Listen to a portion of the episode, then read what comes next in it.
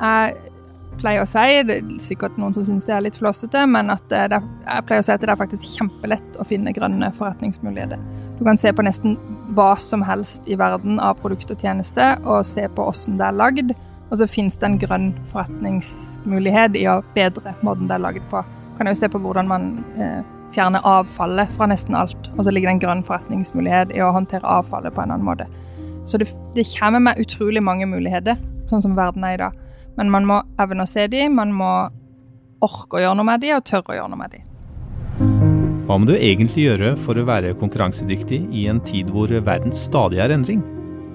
Du lytter til Næringspodden fra Sparebanken Sør. Her vil du oppleve næringslivet fra innsiden og møte inspirerende mennesker som er med på å utvikle landsdelen vår. Hva er det med det å skape verdi, og hva gir verdi? Og ikke minst, kanskje et bedre spørsmål, hva slags verdi er det andre er villige til å betale for? Nettopp det spørsmålet var kanskje noe av grunnlaget for eh, det å stifte den nye mastergradstudiet på UiA, eh, nemlig Skift, som dagens gjest har vært eh, med å starte. Og kanskje primus motor for at hele linja eksisterer i dag. Stine Øyna, velkommen til Næringsbåten. Tusen takk. Du, eh, du, må fortelle meg om hvis du treffer noen på gata som du aldri har møtt før. Eh, de blir bedt om å presentere deg sjøl og hva du driver med. Hva bruker du å si da? Det er alltid et spørsmål som jeg syns er veldig vanskelig å svare på. For jeg gjør jo på en måte mye forskjellig. Jeg er ansatt som førsteamanuensis på Universitetet i Agder. Eh, og det vil si at jeg bruker noe av tida mi på forskning, og da forsker jeg på eh, nå for tida mest på entreprenørskapsutdanning. Hvordan vi kan hjelpe gründere bedre gjennom utdanning. Og så underviser jeg òg eh, i entreprenørskap. Og så er jo det som kanskje har blitt min sånn store ting i jobben, er jo dette programmet Skift entreprenørskap. Det er et masterstudium som går over to år der studentene faktisk starter bedrift som del av utdanningsløpet sitt. Så det er en sånn tredeling eh, i min arbeidshverdag. Er det sånn at um, de elevene, er det de som er student eller lærer for uh, denne linjen? Er det lærer det heter, det er kanskje ikke det? eh, foreleser bruker vi jo ofte på universitetet. Eh, ja, jeg har de selvfølgelig ikke i alle emnene de har, men jeg har de i noen av de der eh, bærebjelkene, kaller vi det. Mm. Eh, så underviser de i eh, konseptutvikling, først og fremst, der de finner ut hva de skal starte bedrift på. Og i litt andre emner UDB-masteren. Mm. Når du da, Denne er ganske fersk, denne linja. Um, og eh, når eh, du da starta det hele, nå har du hatt første kullet gjennom første året. Mm. Hva har du opplevd har vært den største utfordringa for de? Uh, jeg opplever jo at det alltid er Den største utfordringa er alltid med deg sjøl og hverandre, på en måte. Eh, team, det å ha et godt team bak en, en bedrift er jo òg den største sånn eh, suksessfaktoren. Eh, for alt kan skje, liksom det, Ja, det er vanskelig å få finansiering, og det er vanskelig å treffe markedet helt, osv., men hvis du har et godt team, så løser du de utfordringene der. Mm. Hvis du har et dårlig team, eller et team der det gnisser mye på den dårlige måten, så kan det være veldig ødeleggende og gjøre at ikke man greier å løse noen av de utfordringene. Så vi bruker mye tid det første året på at studentene skal bli kjent med seg sjøl, hverandre. Eh, de jobber med nye folk hele veien det første semesteret, sånn at de skal få testa hvem som funker sammen, og hvem som ikke gjør det. Um, og så bruker vi mye tid på at de skal forstå hverandre. Og at når det krasjer, så krasjer det ofte for en grunn. Eh, fordi man er skrudd sammen litt forskjellig, eller hva det skulle være. Og, og, det er det veldig mye læring i, å ha litt fokus på. Eh, så det er ofte den Sånn som jeg ser det, i hvert fall, den største barrieren. Det derre teamet, men òg liksom med de sjøl. Mm. Må tørre. Tørre å ringe, tørre å spørre, tørre å ta initiativ. Vi gikk litt uh, rett inn i materien her, uh, men jeg vil gjerne litt tilbake til uh, til deg og liksom historien bak Skift òg, for det. Um, du var jo, ettersom jeg har lest, veldig sånn primus motor for å få i gang dette studiet her eh, ved UiA. Hva var det underliggende behovet som lå til grunn for at du uh, virkelig uh, kjempa fram dette? Mm. Eh, det er flere ting. Eh, det ene er jo at eh, vi har en del år nå hatt et, en veldig god enhet på universitetet som heter UiA Nyskaping. Og det er jo en støttefunksjon for studentgründere. Da kommer gründerne til oss, men utenfor emnene sine, utenfor graden de tar, og får hjelp til prosjektene sine. Og så så vi der at det var mye potensial i å kombinere det vi gjør i emnene, med det de lærer hos UiA Nyskaping, eller den casen de har med seg. da. Sånn at de ikke blir på en måte noe de må gjøre ekstra i tillegg til utdanninga, men noe de kan eh, gjøre som del av utdanninga. Så det var på en måte det ene, sånn fra studentsida. Og så var det òg et push faktisk utenifra, fra, fra regionen. Eh, vi er jo sponsa, eller finansiert, primært av, av Sørlands kompetansefond, men òg Sparebanken Sør og Agder fylkeskommune. Eh, så det var jo på en måte en sånn henvendelse til kan dere gjøre noe på UiA for å trigge mer entreprenørskap i regionen. Eh, og da så vi jo litt hva gjør de andre steder. Eh, og så har vi et, eh, et søsterstudium på NTNU som heter Entreprenørskolen, som vi har holdt på i flere år og er kjempeflinke på det de, det de driver med. Så vi reiste opp der og lærte mye av dem, og så at dette er noe det absolutt burde være plass til og rom for på UiA. Kan du fortelle kort om hva, hva, du lærte ved å ta det besøket til NTNU? Er det en key takeaway, da? Mm. Litt sånn lurt å si. Eh, jeg, jeg, husker jeg hadde en veldig sånn sterk opplevelse i det at eh,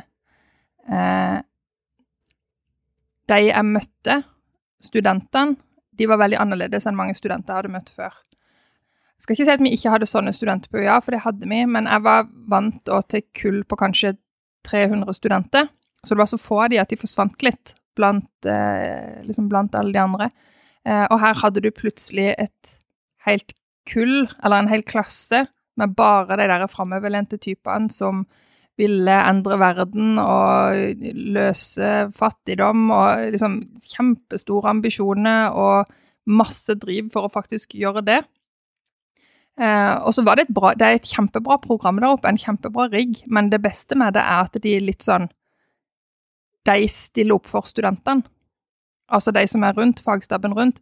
Det er ikke sånn at de nødvendigvis trekker studentene i ørene for å få det gjennom programmet, på en måte.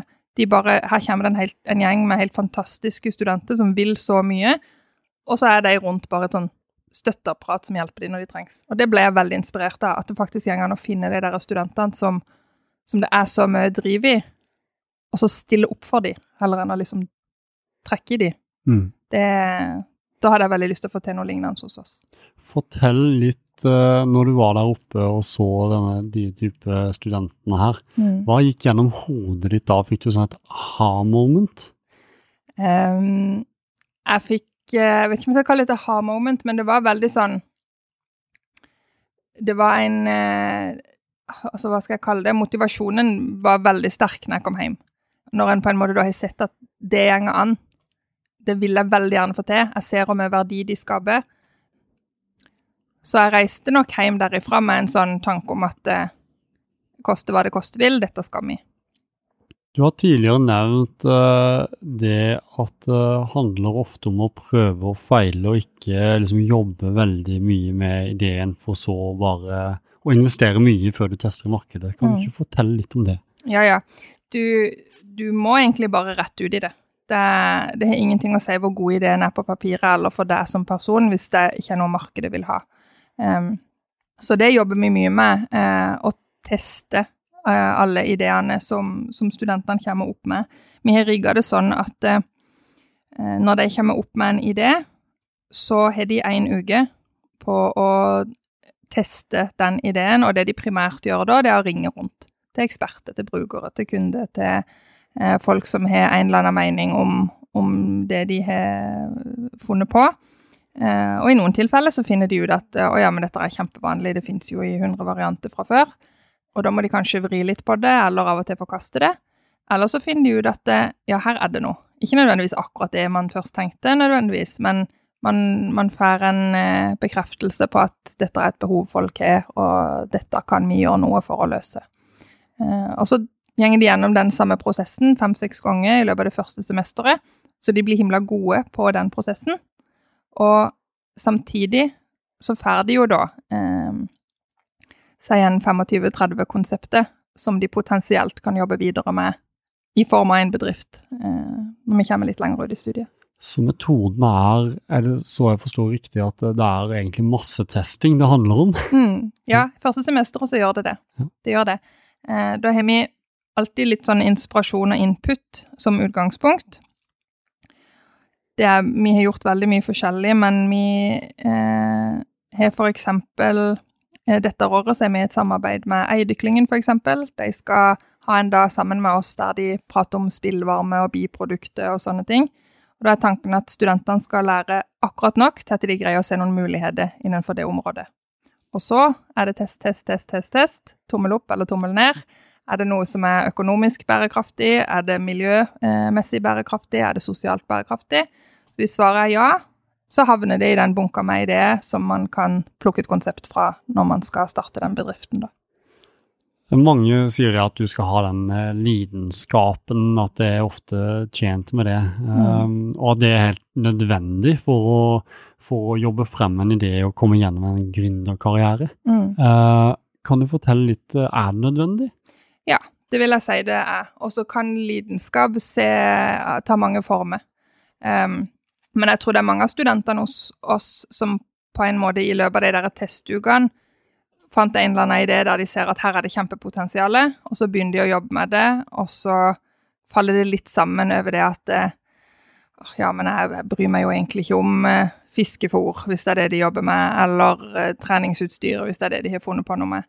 Og da skjer det ofte at de tar en, eh, tar en annen retning, og så tar mer utgangspunkt i det de har interesse for. Men jeg tror ikke du må på en måte ta utgangspunkt i hobbyen din eller det du brenner mest for, for å være engasjert i bedriften. Um, jeg tror mange kan være engasjert i å jobbe med mennesker, f.eks., uh, eller i å lede, eller i å selge, for den saks skyld, og det kan man jo gjøre i alle bedrifter. Men jeg tror definitivt du må finne hva det er som trigger deg, og hva som driver deg, for å holde ut når det blir tungt, for det gjør det jo. Um, vi kommer jo mer inn på de uh, dalene, for jeg synes det er litt interessant det òg. Og, og det er et viktig aspekt med det å være gründer, for ofte når man hører historier, så opplever jeg at det er, det er ofte de som har fått det til, uh, man snakker om. Mm. Uh, men det er òg en del som mislykkes på veien. Mm. Uh, nå husker ikke jeg helt sånn friskt i minne hvor den suksessraten der er, men der er rom for forbedring. Ja.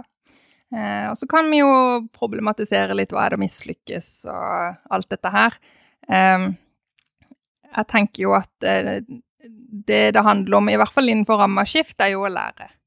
Og jeg tror gjerne du kan lære veldig mye mer hvis du opplever at bedriften din faller sammen fordi teamarbeidet ikke funker, eller du ikke ikke greide, greide å vri det ikke nok rundt til markedet, eller hva enn det skulle være. Det er en det er en eh, hard og dyrere lærepenge, men det er nok en bedre en enn hvis du føler liksom alt klaffer, og så vet du ikke nødvendigvis helt sånn hvorfor. Eh, så hos oss så snakker vi mer om læring, og ikke så mye om feiling på den måten.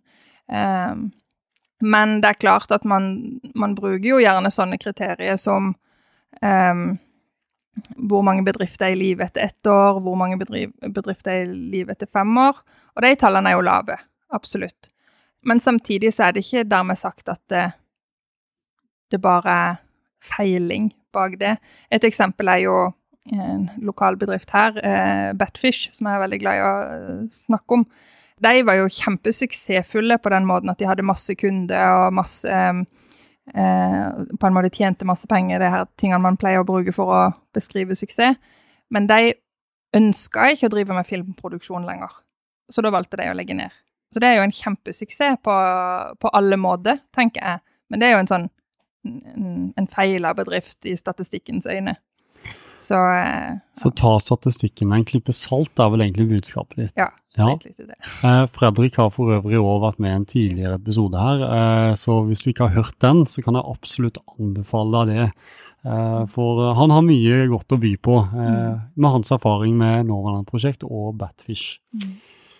Um, Stine, eh, vi, vi, kommer jo ikke så mye inn på deg. Jeg vil komme litt mer inn på deg. for Kan du fortelle meg, i og med at du har dypdykka såpass mye innen entreprenørskap, og du har eh, en doktorgrad innen internasjonal business og, eh, fra Universitetet i Agder, kan du fortelle meg om det øyeblikket du fant ut at det å skape noe, det er et interessant tema? Um, da tror jeg vi må langt tilbake.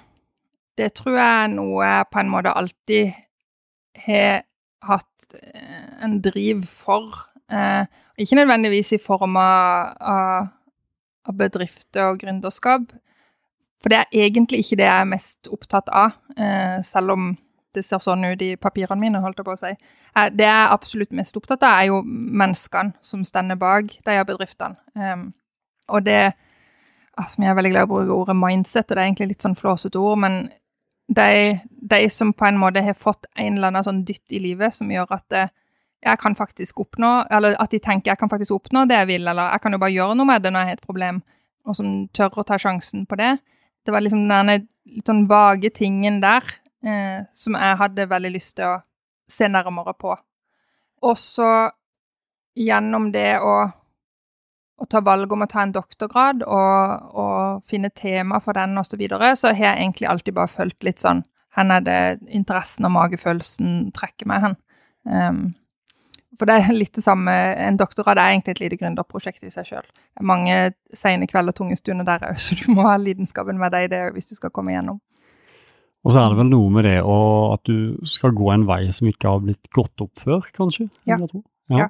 Det er jo det. Eh, det er jo det med kreativitet, og der den kommer inn både i, liksom grunn, i gründerskap og, og for så vidt i akademia òg, at eh, man må løse en del sånn åpne oppgaver som ikke det finnes noe oppskrift for, og ikke noe fasit på løsninger til. Og det er en veldig sånn muskel som man, som man må trene opp, eh, og som man med fordel kan trene opp nesten uansett hva man driver med, tenker jeg. Eh, så det er jo en veldig sånn interessant ting å se på i forskning og i entreprenørskapsutdanning. Mm. Mm.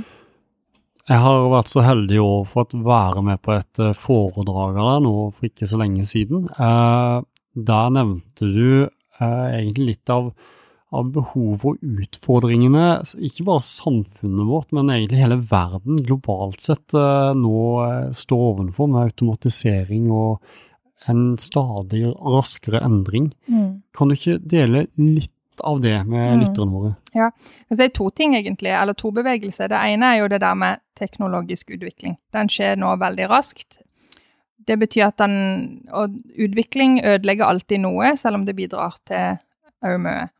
Um, og for at det skal bidra til noe godt, utvikling, nye bedrifter, nye arbeidsplasser, så er det noen som må ta rattet. ikke sant? Det er noen som må finne de mulighetene og benytte de.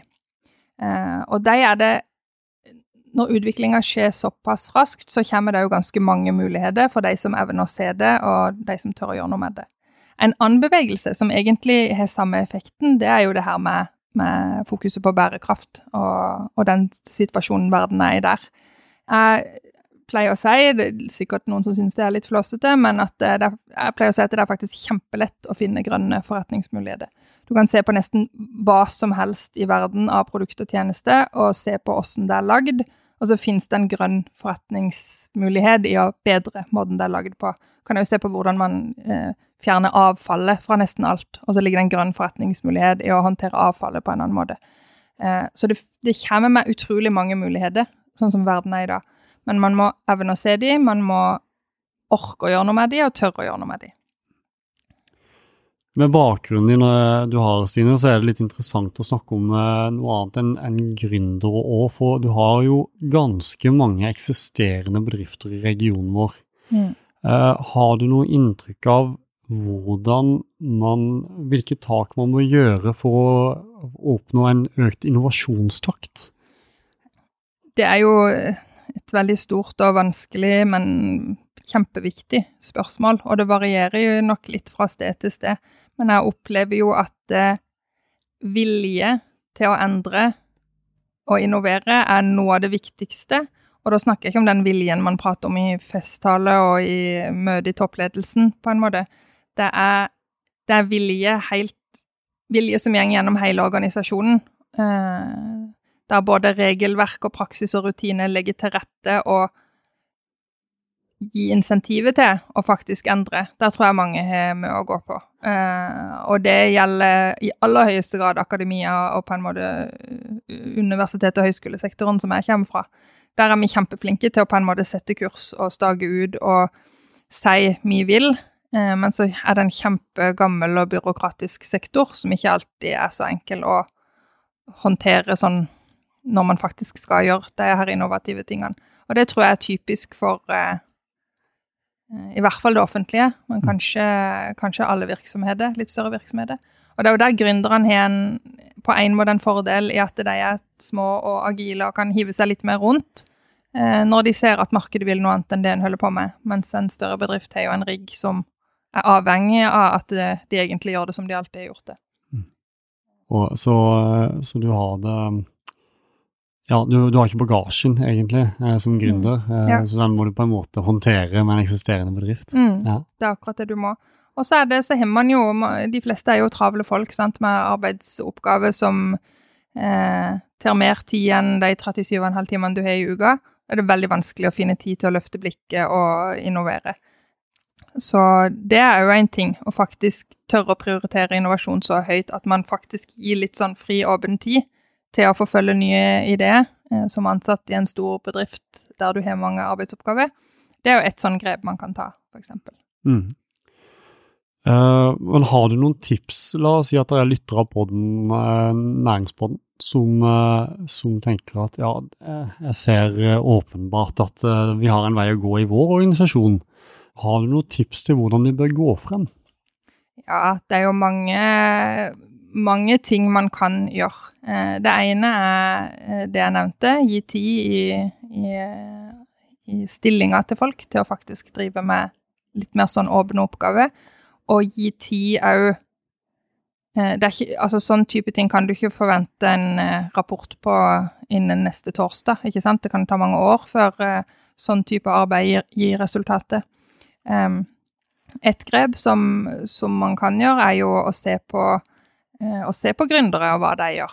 Kanskje man som stor bedrift kunne hatt et lite co-working space, f.eks., der gründere satt og jobba noen dager i uka eh, for å dele sitt. Eh, og kanskje smitte noen av de ansatte med sitt mindset.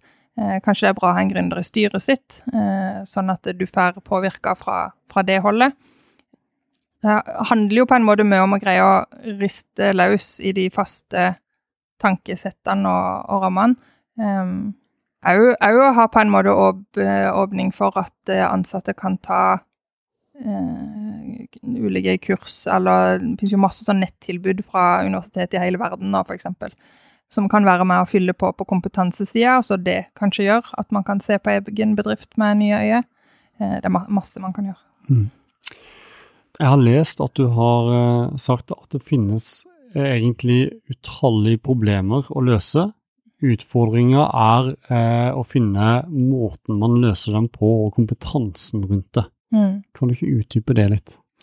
Jo, altså Så det sånn er det jo, det får jeg si. Altså, vi kjenner jo alle til Altså, vi vet jo at fattigdom er et problem selv i Norge, på en måte. Hvis du tenker på i hele verden, så er det jo et annet type og mye større problem. Um, vi vet at det er masse problemer knytta til miljøet og forurensning osv. osv. Altså, det tar ikke slutt med problemet. Vi vet jo alle de tingene her. sant? Og det er ikke så himla vanskelig å gjøre noe med de heller, men det tar tid, og det tar innsats, og det tar krefter. Og du må begynne et sted. Og så tror jeg det stopper opp for mange fordi at de gjenger rundt og venter på det derre eureka-øyeblikket, eller det aha-øyeblikket som du kalte det i stad. Og det eh, Da kommer de til å vente lenge, tenker jeg. Men hvis man faktisk begynner å gjøre noe, Eh, grave seg litt ned i problemet for å forstå det. Hva, hvilke komponenter eh, bestemmer dette problemet? Vri og vende på det. Eh, så jeg er sikker på at de fleste hadde greid å finne løsninger som ble bra etter hvert som man hadde jobba lenger med dem.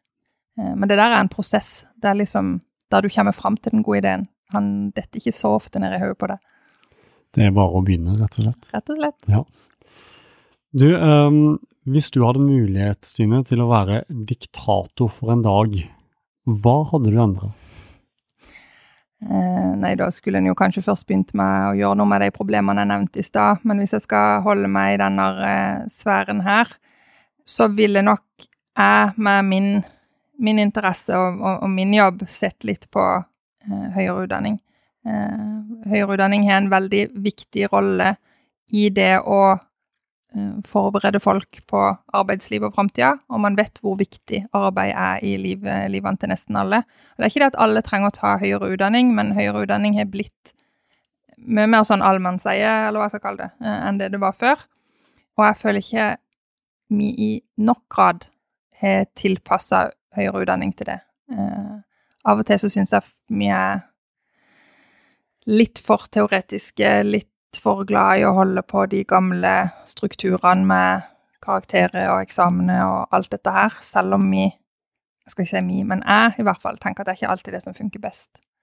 Eh, så jeg tror jeg kanskje hadde trukket opp eh, regelverket og rutinene i akademia litt annerledes, sånn at det var lettere å ha et program sånn som Skift er, da, med eh, tverrfaglig studentgruppe, og der praksisen har en mye større plass, og der det handler om å ikke bare få en kunnskap, selv om det handler om det òg, det er viktig, men òg noen ferdigheter som du kan bruke når du kommer ut i arbeidslivet, eh, som er tilpassa en kompetanse som trengs.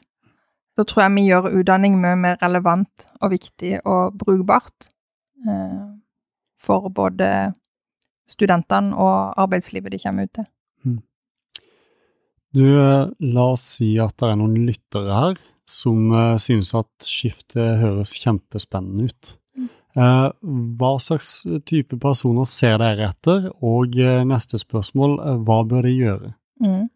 Um, vi ser på en måte ikke etter en bestemt type person, fordi vi ønsker variasjon i gruppa. Sant?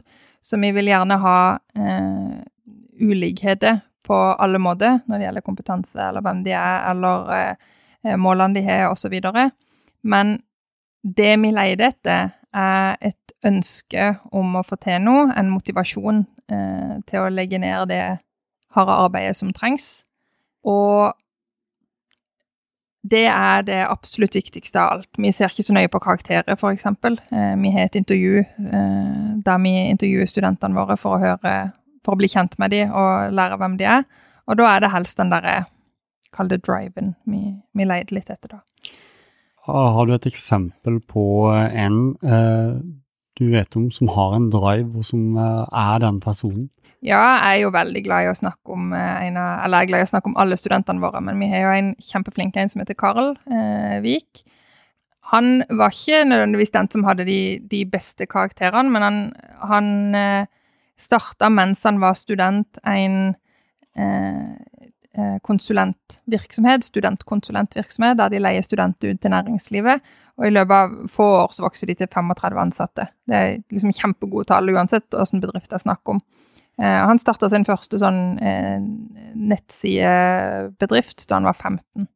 Så han har gjort en del sånne greier som gjorde at vi tenkte at han er jo den perfekte kandidaten for skift. sant? Så er han en litt sånn beskjeden type og ikke flink til å selge seg sjøl i det hele tatt. Eh, men eh, han er ett eksempel, men det fins ganske mange flere eh, som er sånn som, litt sånn som han. Hva er det med Carl uh, som er en sånn uh, Kan du på en måte ta typen og, og, og definere hva som gjør at han greier å skape det han gjør? Nå, nå, spør du rett inn i det som kanskje er en av de største debattene i forskningsfeltet, eh, entreprenørskap. Eh, for noen mener jo fremdeles at man er på en måte eh, født med et eller annet gründergen, sant. Eh, og det, tror, det, er ikke det jeg tror på, for å si det sånn, da. Eh, jeg mener at eh, gründer er noe du på en måte er i hodet, ikke noe du har i magen fordi du er født med det. det handler om å tenker litt annerledes eh, enn det andre gjør. Greier liksom å se vekk fra de der rammene som andre blir blenda av, eh, og tenke litt nytt. Og så det handler, handler det om å være proaktiv, altså tørre å gjøre noe med det. Og så være villig til å ta sjansen. Og det, det ser jeg på som en muskel.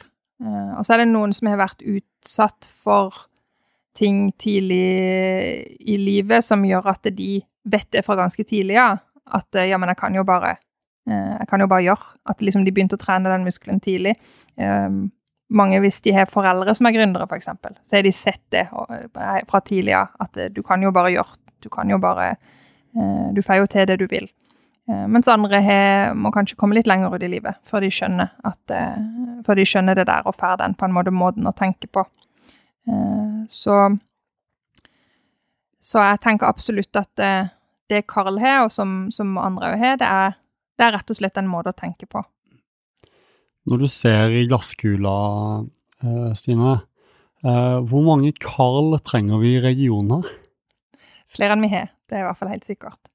I Agder så har vi jo for det første en del sånn levekårsutfordringer, eh, som kan løses på mange måter, men med hjelp av om det er gründere eller om det er litt, litt sånn endringsagenter i etablerte bedrifter, det er litt det samme. Um, men det er én ting. Eh, og så er det jo at vi er ganske sånn tungt avhengig av noen industrier som kanskje ikke har de beste framtidsutsiktene eh, hvis de fortsetter akkurat som de gjør nå, på en måte. Så det er klart at vi har et veldig behov for eh, innovasjon i, i, i, flere former. Ja, for de eh, som, eh, studentene som kommer ut herfra, det er ikke nødvendigvis sagt at de starter en bedrift for seg sjøl, men faktisk kommer inn som en løsning eksisterende. Mm, absolutt, det er helt sant. For gründerskap eller entreprenørskap, det er på en måte et viktig pedagogisk verktøy for oss. Det er det de lærer om gjennom uh, å ta emner osv., og, så og så er det jo uh, det de prøver å si med at de starter den bedriften. Men jeg mener, det de lærer, det tror jeg kan brukes så å si overalt. Som ansatt eller som ny gründer, eller som på en måte veileder for andre gründere. Så bra. Du, og med det så begynner vi å nærme oss uh, slutten her, Stine. Men vi har et fast spørsmål som vi alltid spør i Næringspodden. Mm. Uh, og det er uh, hva gir deg næring og inspirasjon i hverdagen?